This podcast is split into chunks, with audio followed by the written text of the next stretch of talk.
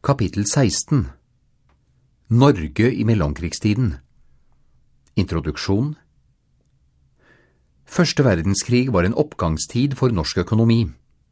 Freden førte til økonomisk krise og stigende arbeidsløshet.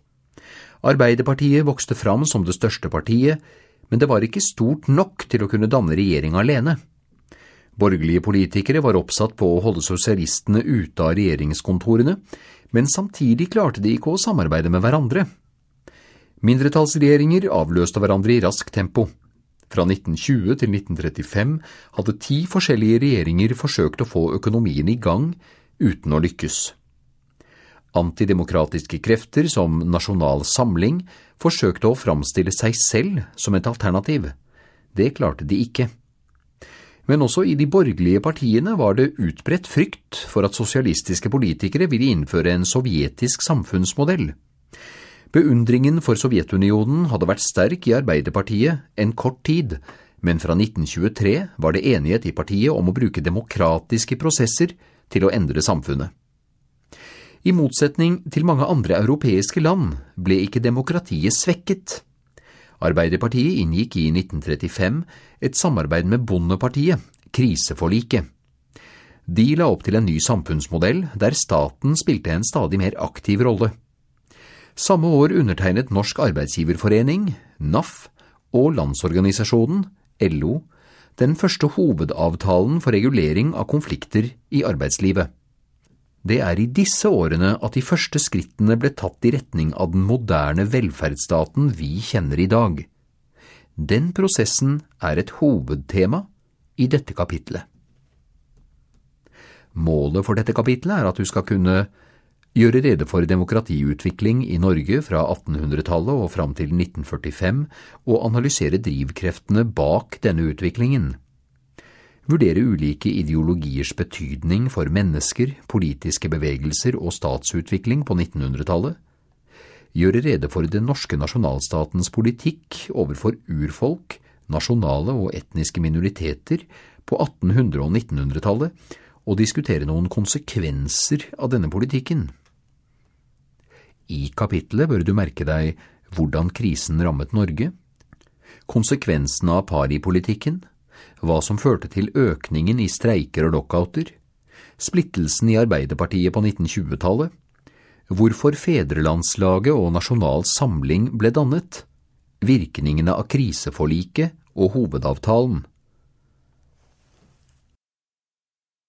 Krise og politisk kamp Økonomiske tilbakeslag Norsk økonomi hadde vokst under første verdenskrig. Bønder og fiskere fikk gode priser for det de produserte, og mange tok opp lån for å investere i nye båter og nytt utstyr. Norsk skipsfart økte også, og rederiene tjente gode penger. De som hadde investert i shippingaksjer, ble rike. På folkemunne het de at de jobbet, men det var et fåtall som tjente penger. De fleste opplevde at prisene steg, mens lønningene enten sto stille eller sank. Samtidig økte arbeidsløsheten. En viktig årsak var Norges Banks gjeninnføring av gullstandarden for krona. Gullstandarden var vanlig i internasjonal pengepolitikk fra 1870-årene og fram til første verdenskrig.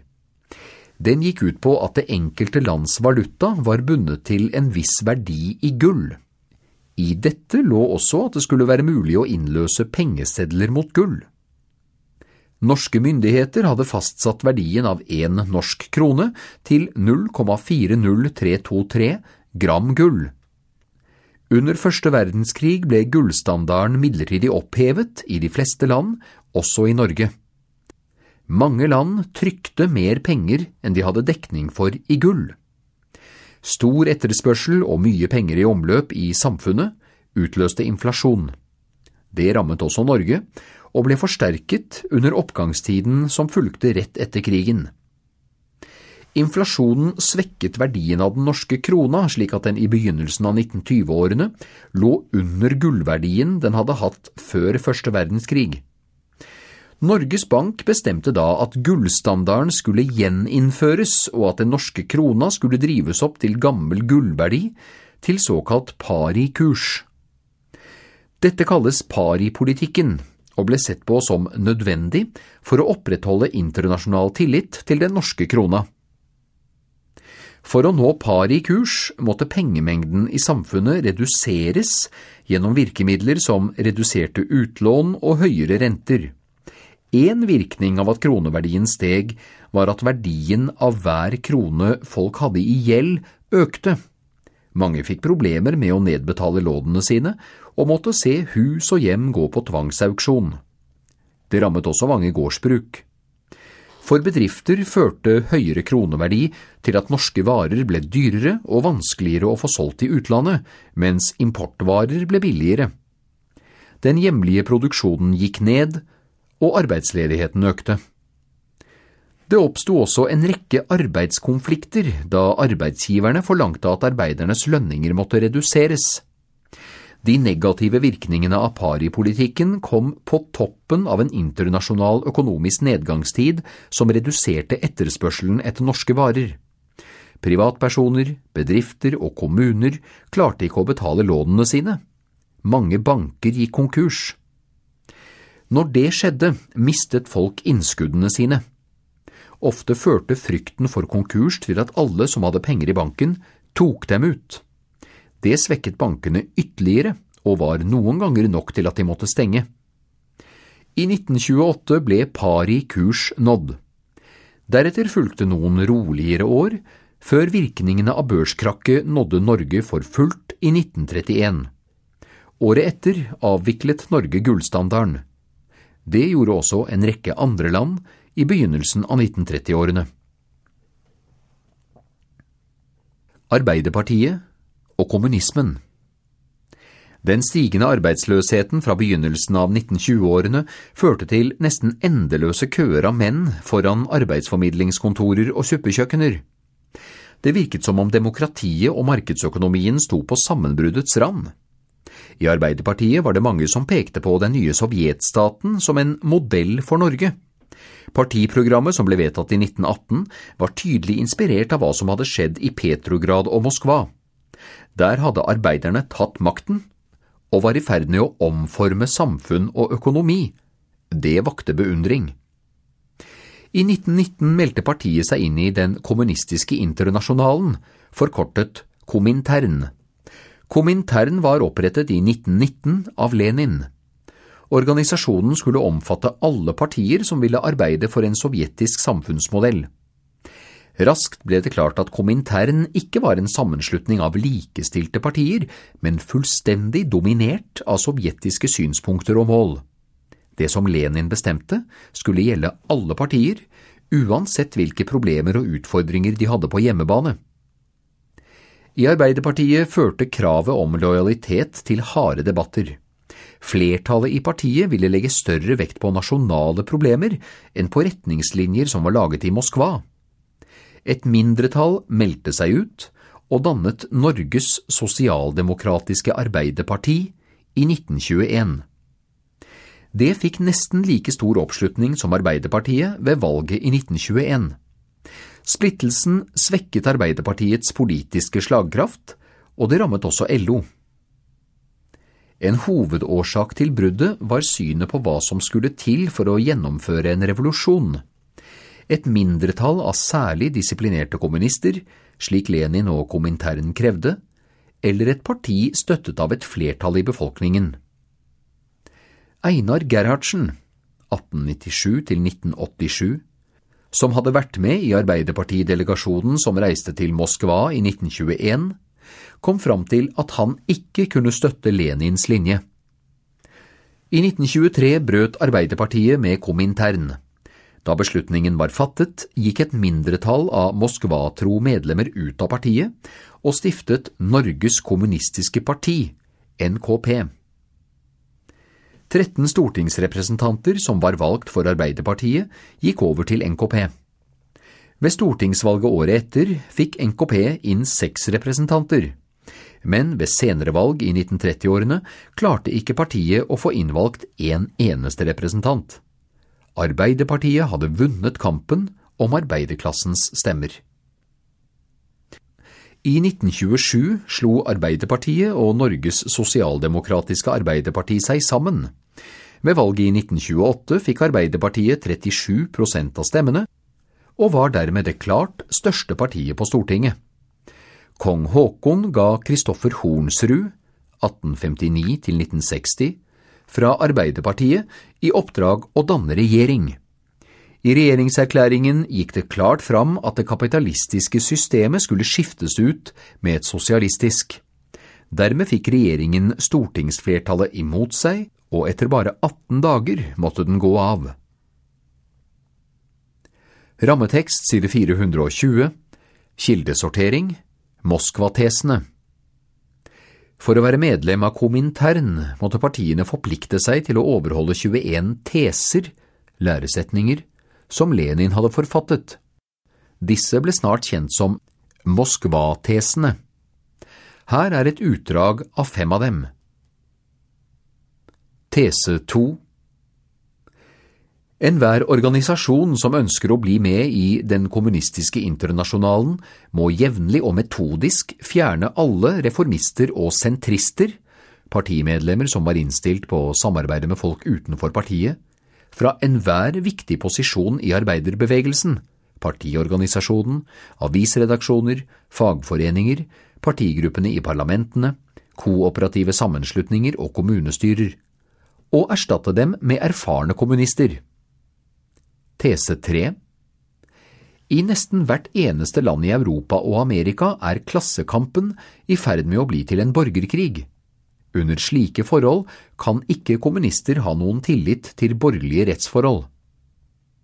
Tese 11 Partier som ønsker å tilhøre den kommunistiske internasjonalen, er forpliktet til å gå grundig igjennom medlemmene av partienes gruppe i nasjonalforsamlingen for å fjerne alle upålitelige elementer. Tese 15 Partier som har beholdt sine gamle sosialdemokratiske programmer, er forpliktet til å endre disse programmene så raskt som mulig og å utarbeide et nytt kommunistisk program i samsvar med forholdene i det enkelte land og i overensstemmelse med den kommunistiske internasjonalens beslutninger. Tese 16 Alle beslutninger som fattes av den kommunistiske internasjonalen og av Internasjonalens eksekutivkomité, styringsgruppe, er bindende for alle partier som er medlem av Internasjonalen.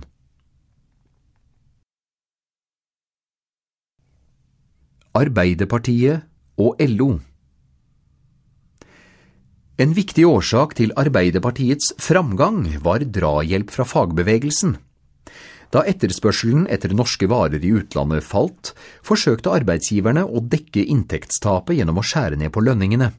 Det utløste streik. Arbeidsgivernes svar var å innføre lockout, det vil si at de ansatte ble nektet å arbeide.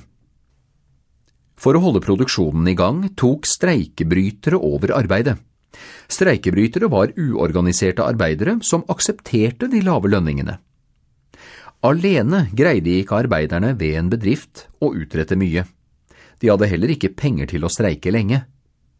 Bare hvis arbeiderne organiserte seg, kunne de klare å kjempe mot lønnsnedslag og oppsigelser. I tillegg kunne LO gi en liten økonomisk støtte. LO økte raskt fra knappe 5000 medlemmer i 1900 til rundt 110 000 20 år senere. Nesten like sterk var stigningen i Arbeiderpartiets medlemsmasse. Rundt parti og fagbevegelse vokste det fram et nettverk av organisasjoner. Blant de største var Arbeidernes idrettsforbund, AIF, som ble stiftet i 1924. AIF skulle utvikle hele mennesket. Ved å skape vår egen kultur, så skaper vi den verden for oss selv som arbeiderbevegelsen skal være, sto det i tidsskriftet Arbeiderungdommen i 1929. Viktig var det også at AIF ga de mange arbeidsløse noe å gjøre. Ytterste høyre mobiliserer Radikaliseringen av Arbeiderpartiet i begynnelsen av 1920-årene og dannelsen av NKP i 1923 skapte frykt på høyresiden. Kjente menn som Fridtjof Nansen, Roald Amundsen og Christian Michelsen hevdet at de borgerlige partiene var for svake til å kunne motstå den totalitære trusselen fra venstresiden. Sammen dannet de Fedrelandslaget i 1925. Hvor mange medlemmer de hadde, er usikkert, men når kjente menn som Nansen reiste rundt og talte, var frammøtet overveldende. Fedrelandslaget hevdet at både Arbeiderpartiet og NKP truet demokratiet, og at de derfor måtte forbys. Det forslaget møtte liten forståelse, heller ikke blant partiene på høyresiden. Da forsøkte fedrelandslaget i stedet å mobilisere borgerlige velgere ved å hevde at Arbeiderpartiet ville innføre sovjetiske tilstander. Denne skremselspropagandaen virket, og forklarer mye av oppslutningen om høyresiden ved valget i 1930. I 1927 hadde Arbeiderpartiet fått nesten 37 prosent av stemmene, tre år senere bare litt over 31 prosent. Fra begynnelsen av 1930-årene mistet fedrelandslaget innflytelse. En årsak var konkurransen fra Nasjonal Samling som ble stiftet i 1933. Partilederen var Vidkun Quisling, 1887 til 1945. Han hadde hjulpet Fridtjof Nansen under hans hjelpeinnsats i Russland i begynnelsen av 1920-årene. Fra 1931 til 1933 hadde han vært forsvarsminister i en regjering ledet av Bondepartiet. En viktig inspirasjonskilde for Quisling da var den italienske føreren Benito Mussolini. Som i Italia ville Quisling avvikle det parlamentariske demokratiet. I stedet skulle landet ledes av en fører, ham selv. Partiet var ingen suksess. Størst oppslutning fikk det ved stortingsvalget i 1933, med 2,2% av stemmene. Fra midten av 1930-årene spilte antisemittismen en voksende rolle i partiet. Da falt også oppslutningen ytterligere. Rammetekst, side 422, Kildesortering Einar Gerhardsen, Hva skal vi gjøre med judasene? Da den økonomiske krisen nådde Norge i 1930, var bedriftseiernes respons kraftige lønnsreduksjoner, oppsigelser og lockout. Fagbevegelsen svarte med streiker og sympatiaksjoner for de oppsagte. Flere steder i landet ble politi og militære styrker satt inn mot streikende arbeidere. Lover som forsvarte streikebryteri, forsterket følelsen av at staten var i lomma på borgerskapet. 4. juni 1931 demonstrerte nesten 5000 fagorganiserte i Porsgrunn med støtte til en oppsagt lokal fagforeningsleder. Hovedtalen ble holdt av sekretæren for Oslo Arbeiderparti, Einar Gerhardsen. Kampen fortsetter imidlertid å utvides og særlig under disse forhold må fagorganisasjonen være på vakt overfor alle blokadebrytere og streikebrytere. Det må ikke tillates noen å falle de organiserte arbeidere i ryggen ved å utføre Judas-arbeidet. Streikebrytere er som bekjent blitt hellige dyr, og det kan sikkert ha sin interesse i dag å høre hva man efter loven ikke har lov til å gjøre med dem.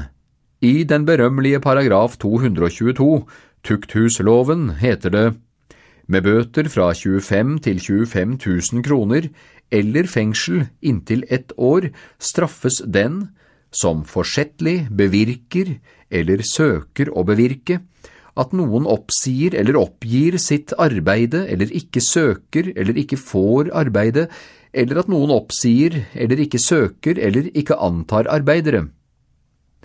Nå vet dere hva dere ikke må gjøre overfor streikebryterne. Men det står ingenting i tukthusloven om at man er forpliktet til å smile og være hyggelig mot streikebryterne. Det er ennå ikke slått fast i loven at man er nødt til å arbeide sammen med dem. Loven kan aldri hindre at disse skabbdyr blir fredløse i sin egen klasse. Kriseforlik og hovedavtale. Etter valgnederlaget i 1930 gikk Arbeiderpartiet fram. I 1933 fikk partiet litt over 40% av stemmene. Tre år senere steg andelen til over 42% En forklaring var at partiet klarte å framstå som et alternativ til den borgerlige krisepolitikken, som stort sett gikk ut på statlige sparetiltak for å holde tritt med nedgangen i skatteinntektene til statskassen. I begynnelsen av 1930-året var det noen få yngre økonomer som tenkte helt annerledes. De ville at staten skulle spille en aktiv rolle for å dempe krisen. En av dem var Ragnar Frisch, 1895 til 1973, professor i økonomi ved Universitetet i Oslo. I 1934 ble Frisch bedt om å utarbeide et kriseprogram for Arbeiderpartiet med en plan for hvordan staten skulle motvirke krisen. Han mente at staten måtte øke utgiftene. Manglet inntektene, måtte pengene lånes. Men uten regjeringsmakt kunne ikke planene gjennomføres. Arbeiderpartiet hadde ikke flertall i Stortinget og trengte støtte fra et borgerlig parti. Den kom fra Bondepartiet.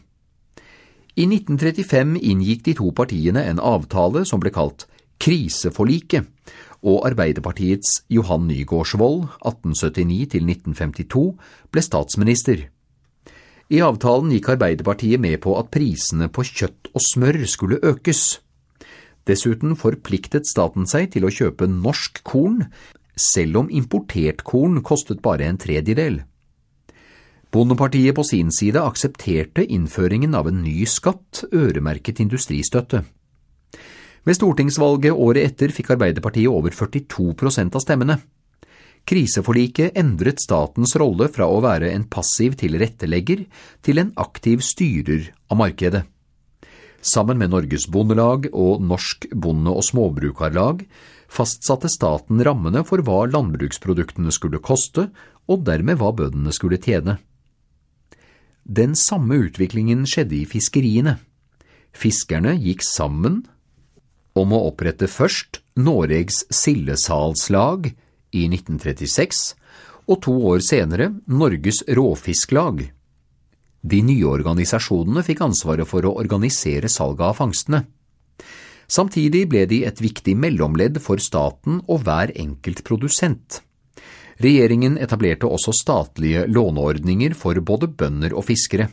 De ga rimelige lån slik at konkurs kunne unngås. Antallet tvangsauksjoner falt drastisk. En annen viktig avtale som ble inngått i 1935, var hovedavtalen mellom LO og Norsk Arbeidsgiverforening, nå NHO. Hovedavtalen var et sett med regler for hvordan konflikter skulle løses fredelig gjennom forhandlinger. Hvis det var umulig, regulerte avtalen bruken av både streik og lockout. De to gruppene som inngikk hovedavtalen, var vant til å se på hverandre som fiender. Nå måtte de finne felles løsninger på problemene. Hovedavtalen er siden blitt forandret, men de grunnleggende prinsippene som partene kom fram til i 1935, gjelder fortsatt. Kriseforliket viste at Arbeiderpartiet var innstilt på politisk samarbeid og kompromisser for å få forslagene igjennom i Stortinget. Høyresiden hadde hevdet at Arbeiderpartiet ville innføre sovjetlignende tilstander, men både kriseforliket og hovedavtalen var et signal om at den tidligere radikale politiske språkbruken nå langt på vei var forlatt. Under valgkampen i 1936 sa formannen for Arbeiderpartiet Oskar Torp 1893–1958 Når vi sier Norge for folket, så ligger det deri at alle landets muligheter skal utnyttes til folkets beste, og at alle skal føle at de har et godt fedreland. Kriseforliket og hovedavtalen betydde at Norge unngikk den polariseringen mellom høyre- og venstresiden som mange andre land i Europa opplevde. Det er en viktig forklaring på hvorfor fascistiske ideer, eller et parti som Nasjonal Samling, ikke klarte å få noen særlig oppslutning. Avtalene som var inngått, tok sikte på å avhjelpe krisen og legge til rette for en stabil utvikling. Den samme målsettingen lå til grunn for utvidelsen av Stortingets valgperiode fra tre til fire år. Inntil 1936 var det avholdt valg hvert tredje år. I 1938 vedtok Stortinget at valgperioden skulle forlenges med ett år. Det skulle derfor ha vært valg i 1940, men invasjonen 9. april forhindret det. Regjeringen Nygaardsvold satt derfor fra 1935 til 1945. Rammetekst side 424 Kildesortering Sosialisme på norsk Da Arbeiderpartiet i 1928 fikk regjeringsmakten for første gang, forsto de godt at de ikke ville bli sittende lenge. Så snart de borgerlige partiene fikk samlet seg, ville de kaste Hornsruds regjering. I 1935 var det derimot alvor. Johan Nygaardsvolds kriseforlik med Bondepartiet sørget for at Arbeiderpartiet kunne styre landet. Regjeringserklæringene fra 1928 og 1935 viser en endring i Arbeiderpartiets selvoppfatning. Hornsruds erklæring 31. januar 1928 Det norske Arbeiderpartiets oppgave, utformet i partiets program, er å gjeninnføre en sosialistisk samfunnsordning i Norge. Regjeringen har til hensikt i alle sine handlinger å la seg lede av hensynet til arbeiderklassen og hele det arbeidende folks interesser, og til å lette og forberede overgangen til et sosialistisk samfunn. Nygårdsvolds erklæring 21. mars 1935 I samarbeid med Stortinget vil regjeringen sette all sin evne inn på kampen mot krisen, og den viser i så måte til programmet for Det norske Arbeiderparti og de fremleggende partiet har gjort. Dens viktigste oppgaver blir da å fremme samarbeid og organisasjon innenfor næringslivet, verne om og søke bedre lønnsomhet i alt produktivt arbeid, støtte tiltak som kan skape nye arbeidsmuligheter. De byrder som reisningsarbeidet krever, må bæres av det hele samfunn og søkes fordelt under omsyn til økonomisk evne, arbeidslivets trivelse og det nasjonale fellesansvar. Begynnelsen på velferdsstaten I 1933 var mer enn 33 prosent av LO-medlemmene uten arbeid. Den eneste hjelpen var matkuponger. De ga mottakerne rett til å hente for eksempel poteter, spekesild og grovt mel i den lokale butikken. Få år tidligere hadde staten sendt et rundskriv til kommunene der det ble understreket at de ikke skulle gjøre noe mer enn å hindre at vedkommende forkommer. I Arbeiderpartiet, men også i Venstre og Bondepartiet, var det etter hvert mange som ville at hjelpen skulle være noe mer enn å hindre folk i å dø. Den skulle også skape trygghet og større likhet. Fra 1936 kom det en rekke nye lover, der disse ambisjonene var tydelige. Viktigst blant dem var loven om alderstrygd. Trygden var liten, men prinsipielt betydde dette at staten påtok seg ansvaret for de gamle. Tidligere hadde det vært familiens oppgave. I 1938 kom det en lov om arbeidsløshetstrygd. Inntil da hadde det vært lokale arbeidsløshetsklasser for enkelte yrkesgrupper. Ytelsene som ble gitt varierte, men for svært mange var det ingen hjelp å få i det hele tatt. Også i skolen skjedde det endringer. I 1920 hadde Stortinget vedtatt innføringen av syvårig skoleplikt. Fysisk avstraffelse ble forbudt. Stadig flere fikk høyere utdanning utover sjuårig folkeskole. Dette kom særlig jenter til gode. Raselære i mellomkrigstiden ble arvehygiene, eller eugenikken som den også kalles, et politisk tema. Sentralt i eugenikken er hvordan egenskaper videreføres fra en generasjon til den neste. Særlig i planteproduksjon og dyreavl er dette et viktig spørsmål. Avstanden fra arvehygiene til rasisme var kort. I 1880-årene var de første forsøkene på å sammenligne kvalitetene til ulike raser utgitt. Ikke uventet kom hvite europeere alltid best ut. Denne retningen ble sentral i nazistenes raselære fra 1933.